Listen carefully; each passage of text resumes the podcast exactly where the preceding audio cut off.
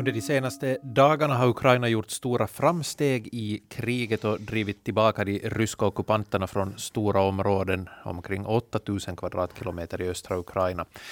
Det kan eh, i och för sig vara för tidigt att dra några större slutsatser ännu, men klart är att det här ryska misslyckandet eh, noteras också i Moskva. Hur reagerar Ryssland och kan det här rent av rubba Vladimir Putins maktposition? I slaget efter tolv idag, Svenska Yles Rysslandsansvariga Anna Lillkung, välkommen. Tack, tack. Rysslandskännaren och eh, kommundirektören Rurik Ahlberg, välkommen. Tack. Och eh, minister Per Stenbeck, välkommen. Tack. Jag heter Filip Sten.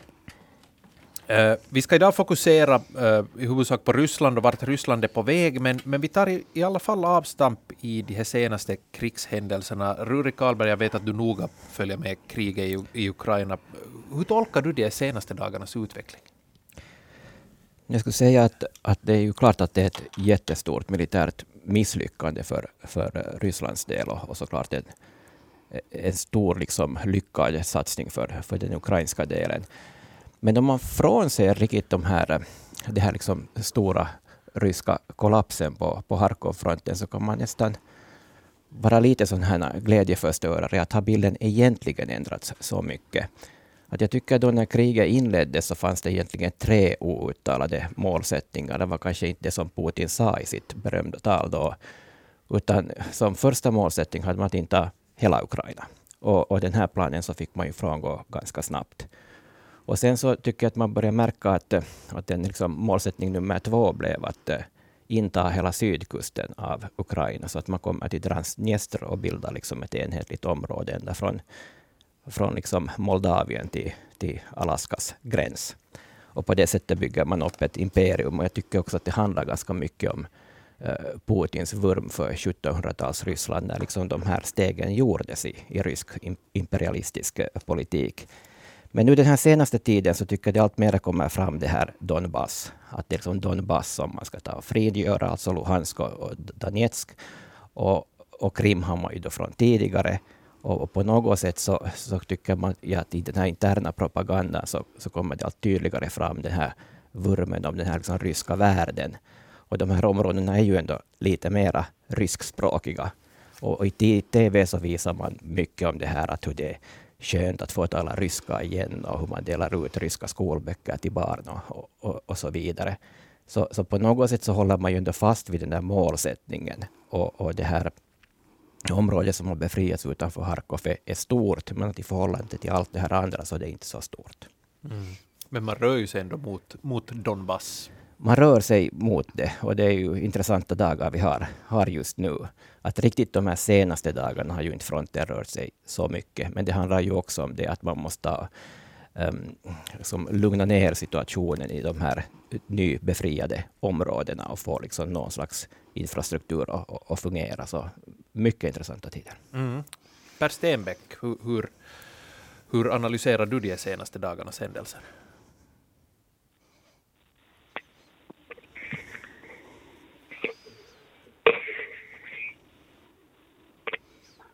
Ursäkta, var det till mig du frågade? Ja, jag frågar hur, hur, du ser på de senaste dagarnas händelser där. Ja, ja min analys skiljer sig som inte så mycket från, från den vi just nu, nu hörde. Mm. Jag följer inte med krigshändelserna på det viset, men, men jag tror knappast att Ryssland har gett upp sina, sina slutliga mål. Eh, men eh, militära målen kanske är, är det där förändras hela tiden när, när motgångarna hopar sig. Eh, det det intressanta är ju nu liksom vilka politiska konsekvenser det har i Moskva, den här klara nederlagen och, och hur det sipprar fram till eh, det ryska folket och hur eh, beslutsfattare reagerar. Vi ser ju nu vissa reaktioner som, som det där tyder på att, att en viss ska vi säga, oro har spridit sig eh, inte bara bland militärerna utan också bland, bland politikerna. Men det är väl det här vi ska diskutera. Mm. Precis. Uh, ja, Anna Lillkung, vi ser ju nu mer eller mindre öppen kritik av, av eh, regimen, av, krig, av kriget i Ryssland. till exempel lokalpolitiker i Sankt Petersburg har krävt Putins avgång och flera kanaler på, på Telegram kritiserar Kreml och i rysk TV har man också öppet eh, kritiserat det här som, som eh, pågår. Det är ju en, nog en förändring jämfört med hurdana ton, tongångarna har varit hittills. Mm. Till viss del. Eh, det här, liksom, de här lokalpolitikerna som har reagerat, det, det, det har egentligen varit lite liksom redan innan det här definitiva bakslagen i, i Charkiv. Men, men absolut inte, inte ju de här, det här inrikespolitiska läget och diskussionerna är förstås viktiga. Eh, sen är det ju lite, vad ska man säga, det, det, det är kanske inte helt tydliga reaktioner på så sätt att, att vi har ju de här ultranationalisterna som, är, som nu då är kritiska och, och tycker att man behöver mer militära resurser. Man behöver liksom kanske massmobilisera eh, soldater till Ukraina. Eh, de kräver liksom hårdare tag. Men sen å andra sidan har man ju den, den stora allmänheten som absolut inte vill att, att deras söner ska skickas till någon front.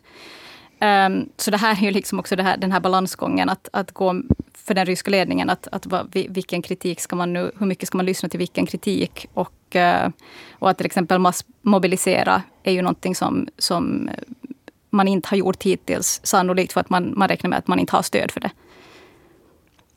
Ruri Karlberg. Ja, det tycker jag också det finns en sån här ganska intressant geografisk dimension i, i det här. Och, och det är det att, att som kriget så syns ju inte så mycket i Moskva och Sankt Petersburg. Ändå liksom det som är maktpolerna i, i landet. Utan när man ser då kartor på Telegram till exempel om var varifrån de är hemma, de soldater som har dött vid den ukrainska fronten, så de är ju ofta från liksom, riktigt långt bort. Alltså de är från Baikalsjön och, och, och, de är från Dagestan och de är från Tatarstan och de är från många sådana här minoritetsrepubliker. Och nu ser det ju ut som att man vill att det här, man vill liksom freda Sankt Petersburg och Moskva och, och, och liksom de som lik som kommer hem så kommer förs ut i provinserna. Så, så i alla fall en sån, sån här sak så vill man tydligt ha det lugnt i, i de här stora städerna och sen på något sätt hantera det i, i, i provinserna. Och, och, som en, i alla fall en teoretisk fråga så är det ju intressant att eh, hur många burjater ska dö innan man i Burjatien börjar reagera på saken, för det har dött väldigt många burjater. Så eh, Anna Lillkung, om jag, om jag återknyter till det här som, som eh, du sa om den här eh, så att säga högerkritiken mot, mot kriget, det här att man, man tycker att man borde trappa upp i själva verket. Kan, kan det här då i, i själva verket liksom i, i någon mån också vara som orkestrerat av, av Kreml då för att öka på, på stödet för en allmän mobilisering? Um, svårt att säga uh, sådär.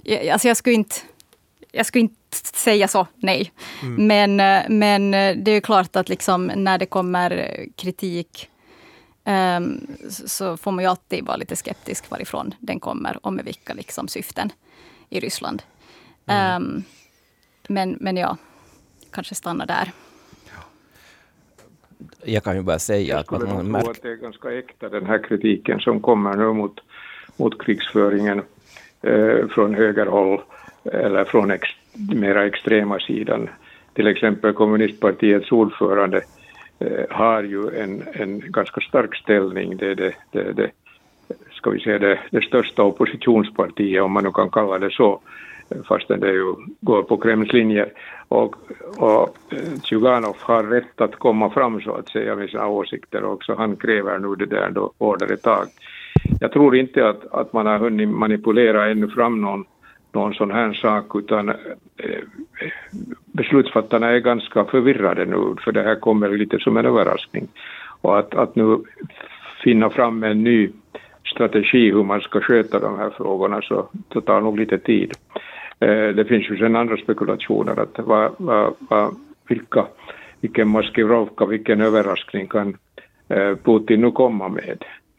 Jag hade en sån här vild gissning här i ett sällskap igår som sa att man han försöker tvinga Vitryssland att, att komma med i kriget och öppna en ny front som skulle göra det lättare. Men ingen trodde riktigt på det här för att, att eh, jag tror nog att Lukasjenko och, och, den inte går med på något sånt. Men någonting måste Putin nu komma, med på, komma fram med för att, för att förstärka moralen och, och, och det där, försöka vända krigslyckan. alltså så här medial, medialt så, så märker man ju nog att man använder ju ordet krig på ett helt annat sätt i, i rysk TV nu. Att förut så var ju hela det ordet bannlyst och det talades, talades om specialinsats och specialoperation. Och, och det här är ju nog klart att man banar på något sätt väg för, för liksom att acceptera att det här är inte en begränsad insats mera, utan det här är, är, är någonting, någonting mera.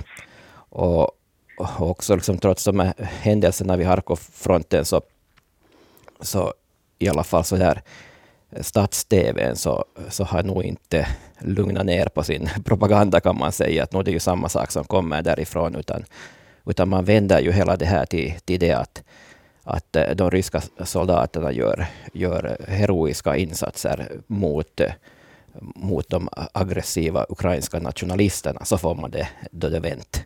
Och, och sen har man då ett inslag som är 20 minuter som kommer i, på bästa, bästa nyhetstid om, om det. Så eh, nu är propagandamaskineriet igång nu.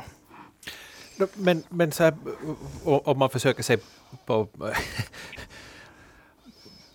på ett rent objektivt se, se på den här saken, har, har Ryssland blivit försvagat de senaste veckorna? Vad säger Anna Lilku? Um, ehm, alltså, det är ju klart att det är bakslag uh, som, som är av stor betydelse. Uh, sen så Alltså det, det är fortfarande så att det, det, är en lång väg kvar eh, innan liksom, de ryska trupperna skulle vara liksom ännu mer eh, tillbaka liksom, eh, pushade. Men, eh, men klart, klart ett bakslag. Och sen, och sen um, nu tappar jag tråden mm. här. Ja. Någon annan får kanske ta över så ska jag försöka vill, vill Per Stenbeck ta upp tråden? Där? Ja, jag tror att, att naturligtvis ska de här ukrainska framgångarna väcka Eh, falska förhoppningar om att, att nu kommer ukrainarna att lyckas bryta upp alla fronter, det tror jag ju knappast. Och det, alla olika militärstrateger, jag är inte en sån, men eh, varnar ju för att, att ta ut några segrar i förhand. Eh, det här var ju en, en lyckad skenmanöver som, som ukrainarna lyckades eh, med lura, lura så att säga sina motståndare trodde att, att huvudattacken skulle komma i söder men den kom, kom i eh, nordöst istället. Så att eh, eh, nu återstår att se, har, har Ukraina krafter att följa upp den här framgången och, och stabilisera den innan höstregnen kommer som man säger. Så att eh, jag tror nog att den största betydelsen av den här framgången är inte kanske det militära sista slutligen, för så mycket återstår som Anna sa här, utan den största betydelsen är nog den, den ska vi säga, att det stärker moralen och också stärker de västliga eh, ländernas stöd för det här. Och det kan sätta igång en process jag förstod just att, att, att eh, förbundskansler Scholz hade haft ett en timmars långt samtal med Putin här i, eh, inom, för ett dygn, eh, eller igår tror jag det var.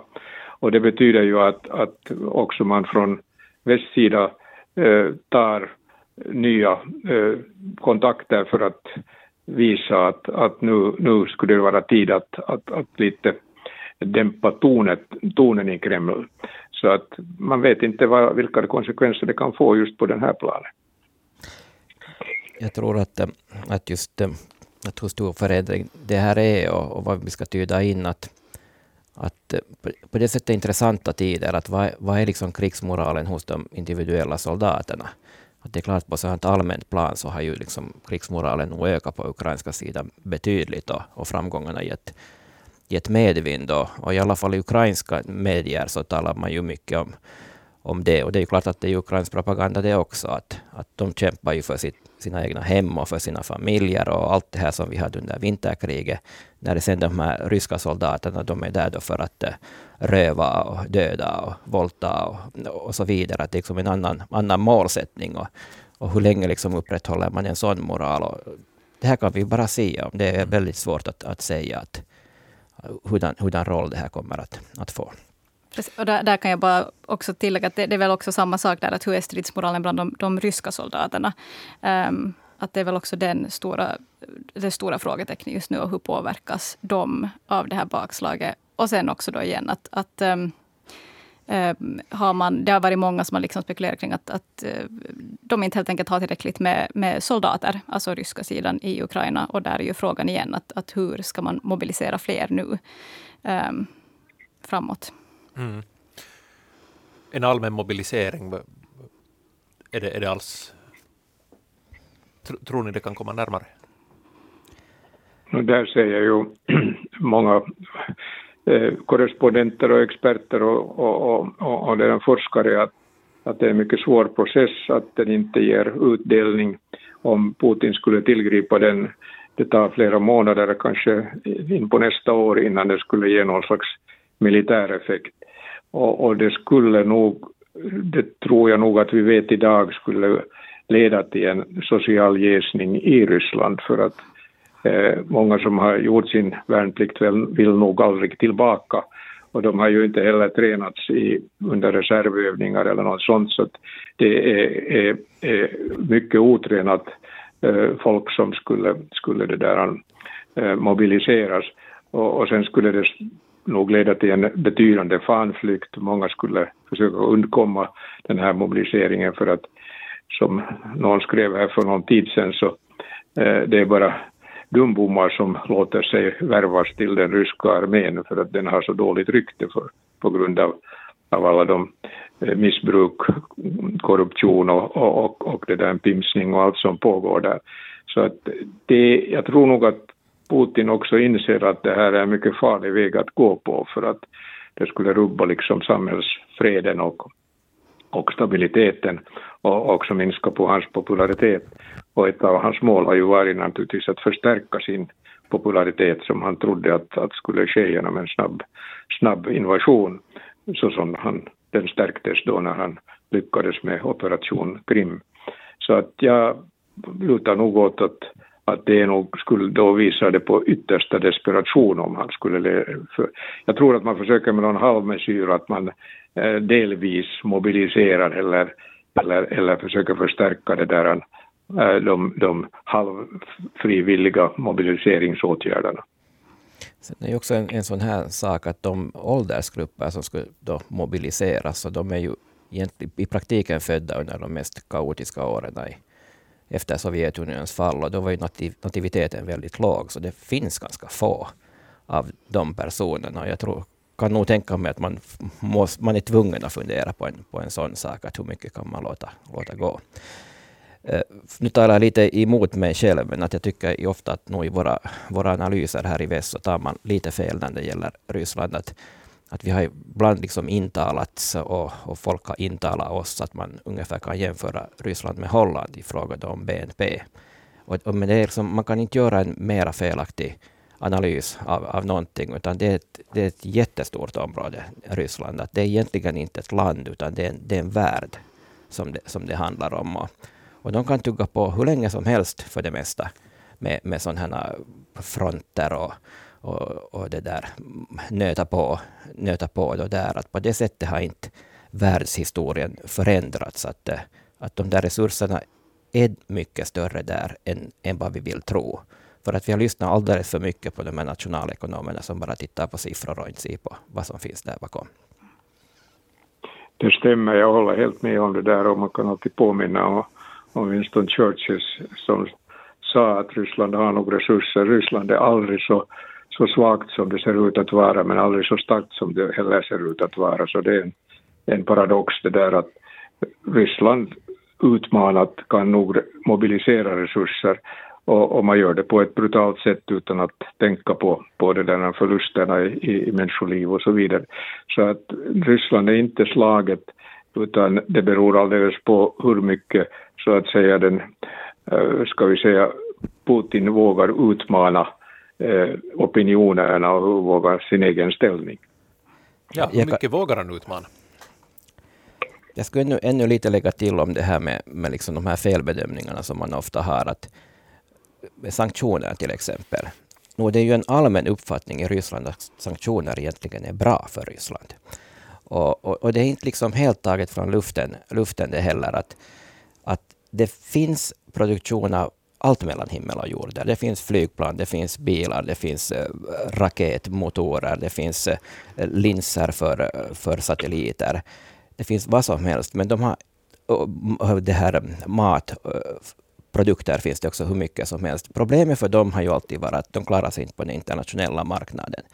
Och om de liksom har, liksom sätter, lägger sanktioner på Ryssland så kan de hålla på att utveckla sina saker själv. Då, och, och, då går man tillbaka igen till någon slags 1700-talsideologi, merkantilism och, och, så vidare. Och, och, så kan de utveckla sina företag där. Och till en viss del så lyckas det ju faktiskt. Uh, här var riktigt ett inslag i TV för en tid sedan om hur man börjar började här producera eh, hundmat. I, jag kommer inte ihåg i vilken stad. Att nu behöver vi inte mera importera då, vad vi nu sen har för märken i, i västerländerna. Det är klart att det låter ganska absurt att ett land som som täcker en stor del av jordens yta inte kan producera hundmat. Så, så sanktioner har faktiskt en, en, annan, en annan sida också. Och, och jag tror inte att alla riktigt först, förstår att inte de helt bara beroende av några västerländska komponenter och sånt. Och de har ju marknaderna nog öppna mot Kina och, och Asien helt, helt tydligt. Och, och, det ser man ju också nu i inslag från kriget, att det är ju mycket drönare. De visar nyaste modellen från Kina som har 46 minuters flygtid och, och, och med två olika kameror. Att inte, inte, inte är där liksom gränserna fast på något sätt. Inte. Ja, nu, nu sa ju EU-kommissionens ordförande Ursula von der Leyen här bara för någon timme sedan att de här sanktionerna de är här för att stanna, att, att det, det, blir ingen förändring på, på den sidan. Men, men vad säger ni då, hur, hur, borde EU förhålla sig till, till Ryssland? Ja, Om det är så att sanktionerna inte har någon effekt? Ja, jag ser inte sanktionerna som det avgörande på något sätt, men det är ett instrument för att, att visa världen att aggression och väpnad invasion av ett annat land inte, inte leder till, det där, till någonting positivt åtminstone. Eh, men om man utgår från att sanktionerna ska slå Ryssland till, till marken så att säga så, så där håller jag med Rurik att, att då tar man fel. Men det här är ett av instrumenten. Det, det viktigaste instrumentet är naturligtvis det att, att, att förstärka Ukrainas motståndskraft. Eh, på frågan om vad EU bör göra så tycker jag att EU har klarat sig bra i den här, i den här situationen. Jag menar ett EU som där många andra mindre frågor har splittrat, splittrat EU så i alla fall har lyckats upprätthålla hittills en, en relativt god enighet. Och, och, och det som och då och då kommer fram att, ja, att EU är inte enigt om Ukraina. Jag skulle säga att, att, att med tanke på, på, på tidigare erfarenheter så har EU varit ovanligt oenigt och kunnat ställa upp på ett ovanligt eh, solidariskt sätt när det gäller. Så att, att jag har inte någon klagomål där att, att EU borde kunna göra annorlunda. Den stora frågan är ju naturligtvis och, och, och, det har ju Putins förtjänst kan man säga att Tyskland har vaknat ur sin så att säga Törnrosasömn och sin tro på att, att handel durch Wandel som det heter, eh, eller Wandel durch Handel, så, så det där eh, eh, inte fungerar. Och att Tyskland måste nu ta en ledande roll i Europa. Och, och det har, vi ser nu tecken fast den observatörerna tycker att det är alltför svaga tecken men, men, men de beslut som har gjorts hittills i Tyskland som delvis går emot tysk allmän opinion men där, där, där Scholz trots att han framstår som, som lite vag och svag så i alla fall har tagit, tagit besluten om, om, om en upprustning och en, en, en strävande till en ny ledande roll i Europa det kan ju säga att, att jag håller helt, helt med, med Per här, att, att inte kan EU och Europa göra någonting annat just nu. Att det, är, det är krig helt enkelt, det som, det som vi har och, och vi måste liksom utgå från det. Och, och, då använder man de redskap som finns och sanktioner och vapenleveranser är, är delar av det. Sen är det då liksom om kriget tar slut. Att, och då är den stora frågan, vad gör man då? Och, och, på något sätt har jag tänkt att, att just då när vi levde i den här frihetens fönster på, på 90-talet så, så kanske västvärlden också gjorde vissa misstag. Och, och, på det sättet har vi en liten roll i det här som vi ser just nu. Att, att nå, liksom, det var ju liksom ett, ett slags förödmjukande av, av, av, av Ryssland, att en stormakt blev liksom tiggaren på, på, på, på världsmarknaden. Och, och, och, och då måste vi i alla fall vända blickarna mot oss själva. Att hur agerar vi så att det inte liksom ger samma känsla? Att, de, att Ryssland så blev ju en slags outsider hela tiden egentligen. Man kom närmare men man var ju inte riktigt, riktigt med. Och inte berodde ju bara på oss, inte. det är klart att det berodde på, på det ryska ledarskapet självt också, som kanske inte, inte ville. Ja, men hur borde, hur borde då Europa förhålla sig till, till ett Ryssland efter kriget?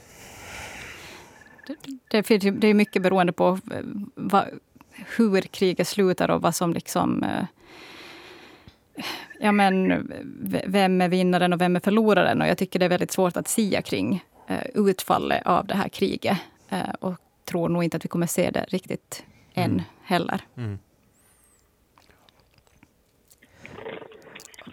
Han har alldeles rätt, det är otroligt svårt att, att kunna det där sia om utgången. Eh, många säger varför förhandlas det inte? Men, men det, där, det finns inget utrymme just nu för förhandlingar därför för att, att, att båda parter eh, skulle, skulle inte dra nytta av en, en, en, till exempel ett vapenstillestånd just nu.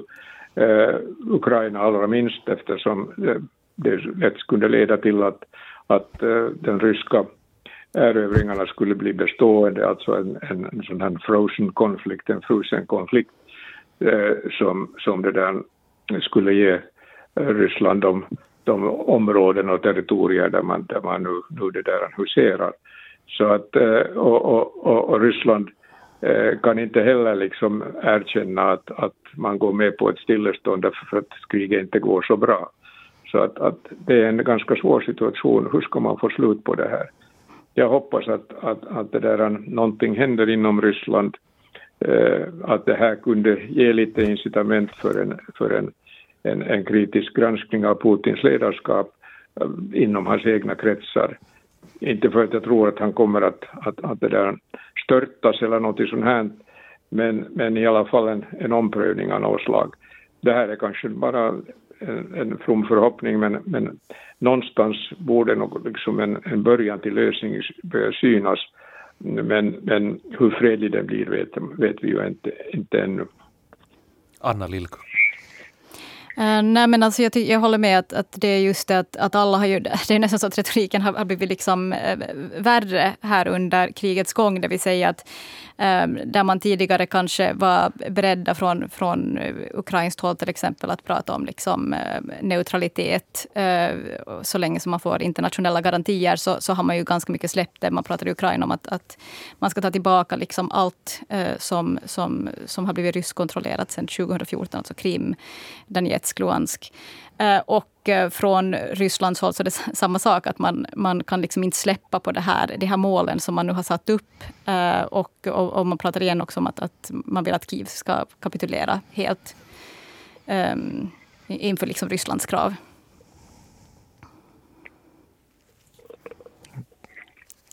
Det är ju frågan just och det är ju mycket spekulation såklart. Det, vi vet ju som sagt inte alls hur det här slutar ännu, men att att om Ryssland vill komma tillbaka till det internationella samfundet där liksom vi i västvärlden hör, så och det är svårt att se det med, med dagens ledare i, i Ryssland, att det skulle vara de som skulle komma, komma tillbaka på något sätt och säga att okej, okay, att det gick nu så här, men nu är vi tillbaka.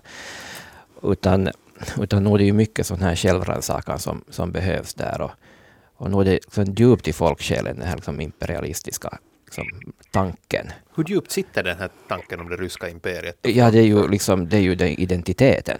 Alltså det är det som är grunden för, för Ryssland, att, att man har liksom det här stora, stora området med alla naturresurser och, och såklart också en kultur av olika former. Och, och, och, så. Men att den är ju så där ryskdominerad, att fast det, det, finns många olika minoritetsfolk, så det är helt klart att det är liksom ryska, ryska kulturen och språket som är ledande där. Och, och, och, den här liksom grundinställningen som andra stormakter har fått ta, ta, ta itu med tidigare som med sina fallna imperier, så har man ju inte man ju inte genomgått den, den processen då, då där inte. Så. Ser du några förutsättningar för att någon sån process skulle kunna sätta igång? Nej, det finns nog inte någonting av någonting sånt när man, när man följer med de här ryska nyheterna, utan det är precis som Anna säger, att retoriken är nästan värre, värre än tidigare också. Och de liksom få röster som talar någonting annat, så de är nog verkligen få. Sen tänker jag också att det är en viktig del att, att eh, någon var inne på det här tidigare också, men att Ryssland är ju, är ju avskuret liksom från västvärlden, men inte från hela internationella samfundet. Eh, om man verkligen ser till liksom hela, hela eh, världen. Alltså Ryssland har ju fortfarande bra kontakter med andra länder, med, med Kina. Um, flera latinamerikanska länder. Uh, du kan re fortfarande resa visumfritt till exempel från Colombia till Ryssland. Um, så att där är det ju kanske viktigt också att vi kommer ihåg att, att uh, Ryssland är liksom inte helt avskuret på så sätt från hela internationella samfundet, utan det är ju, det är ju västvärlden som det handlar om. Men jag tycker också att det är jättekonstigt den här, liksom, hur, på det sättet hur, hur man i Ryssland resonerar nu, att fast man har liksom eh, sina liksom djupa ideologiska diskussioner om att Ryssland är någonting mellan Europa och Asien, så det är helt klart att liksom tyngdpunkten är i Europa, alltså den europeisk kultur. Och det är så som man uppfattar det i Ryssland också, fast man skulle bo långt inne i Sibirien. Och, och, och det att man nu vänder sig mot Colombia och, och, Kina och sånt, så är ju nog för den vanliga människan en ganska märkvärdig riktning. Att nu är det ju åt andra hållet man som, som vanlig rysse ser. Per Stenbeck. På tal om, på tal om Rysslands uh, fortsatta internationella status och roll så kan vi ju först konstatera att, att Ryssland har nog eh, på ganska medellång sikt förstört sina relationer till Europa. Att, att det är svårt. Naturligtvis kommer det att finnas vissa undantag i Europa också som Ungern och så vidare. Men, men i stort, stora hela så, så kommer det att bli en mycket långvarig process att återskapa det här förtroendet i Europa. Vi ser det ju här i Sverige och Finland också eh, genom våra NATO-beslut och så vidare, men det kommer att komma liknande, liknande där reaktioner överallt i Europa. Men vad Ryssland, eh, hur Ryssland ser, så som Anna beskrev här, har ju naturligtvis förståelse till och med i Afrika och andra världsdelar. Men vad Ryssland hotas av är ju naturligtvis att råka in i ett beroendeskapsförhållande till Kina. Och, och det brukar till och med lite skämtsamt sägas att Ryssland kommer att få smaka eh, på samma medicin som vissa andra har fått smaka av att, att vara en, en underordnad lydstat till en stormakt. Eh, och, och, att eh, man kunde tillspetsa det hela och säga att priset för detta är, är, är en, att Sibirien blir en kinesisk råvarukälla, eh, som det nu redan är delvis. Så att eh, inte det är lätt för Ryssland heller att, att, det där, att balansera i, i den här nya situationen också. Man, man, när man så småningom förlorar den här, den här triumfkortet alltså av, av fossila bränslen och exporten av det. Naturligtvis kommer länder som Kina och Indien fortsätta att köpa det men, men det där eh, hittills har åtminstone Europa varit en av de viktigaste kunderna för olja och gas. Så att, att inte utsikterna på så goda för, för Rysslands internationella ställning, att där har nog Putin dragit en nit på det viset. Att, att uh, hans möjligheter att agera kommer att begränsas. Uh, för att också Kina, sist och slutligen, skulle Ryssland det där han, eh, uh, använda sig av taktiska kärnvapen så är det ganska säkert att, att Kina tar sin hand ifrån Ryssland, eller åtminstone man tycker inte om, kineserna tycker inte om sånt som leder till en destabilisering av, av världsordningen i den meningen för att Kina är så beroende av världshandeln att, att man vill inte se alltför stora störningar även om man, man, man det där försiktigt stöder Ryssland nu på, eh, på grund av att man har en gemensam fiende i USA. Just den här orienteringen som, som man nu ser av Ryssland och som man säkert funderar på där ganska mycket och som vi alla, alla funderar på, så, så är den här frågan om gas såklart och, och all den gas som går till, går till Europa. Och, och det som nu på något sätt sker, jag vet inte om det är medvetet eller omedvetet, när man hotar med liksom störningar av leveranser hela tiden och eh, med det här Nord Stream 1 och Nord Stream 2 som inte, inte tas i, i bruk. Så det betyder ju de facto och att, det att, att Ryssland såklart drar sig ur e- Europa. Och, och, i alla fall i vissa diskussioner där så börjar man fråga sig att är det här nu helt klokt egentligen? För det enda som sker är ju såklart att, att det kommer ju an, annan gas från andra länder då är såklart som tar liksom över, över liksom samma position som ryssarna haft tidigare. Och sen är ju den här gröna, gröna utvecklingen såklart i Europa Eh, Europa också som, som vi såklart måste, måste gå. Men man älskar sådana här geopolitiska diskussioner i, i Ryssland och det här liksom på fullt allvar som man ju pratar om, om det här att, liksom att amerikanska företag tar över liksom gasmarknaden i Europa. Det är sant. Det är faktiskt ett faktum att det är, är på det sättet. Och det vill man inte. Så vi får se att kanske det inte är så mycket störningar i, i gasleveranserna här framöver. Anna Lillkung, sista ordet.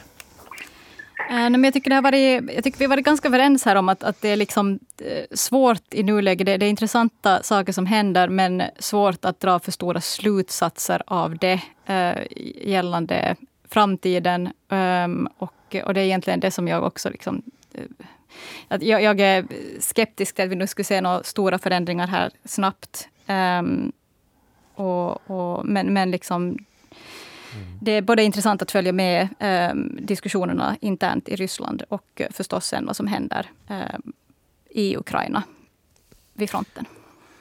Där sätter vi punkt för eh, slaget efter tolv. Idag tack Anna Lillkung, Rurik Alberg och eh, Per Stenbeck. Mitt namn är Filip Sten och slaget efter tolv är tillbaka imorgon.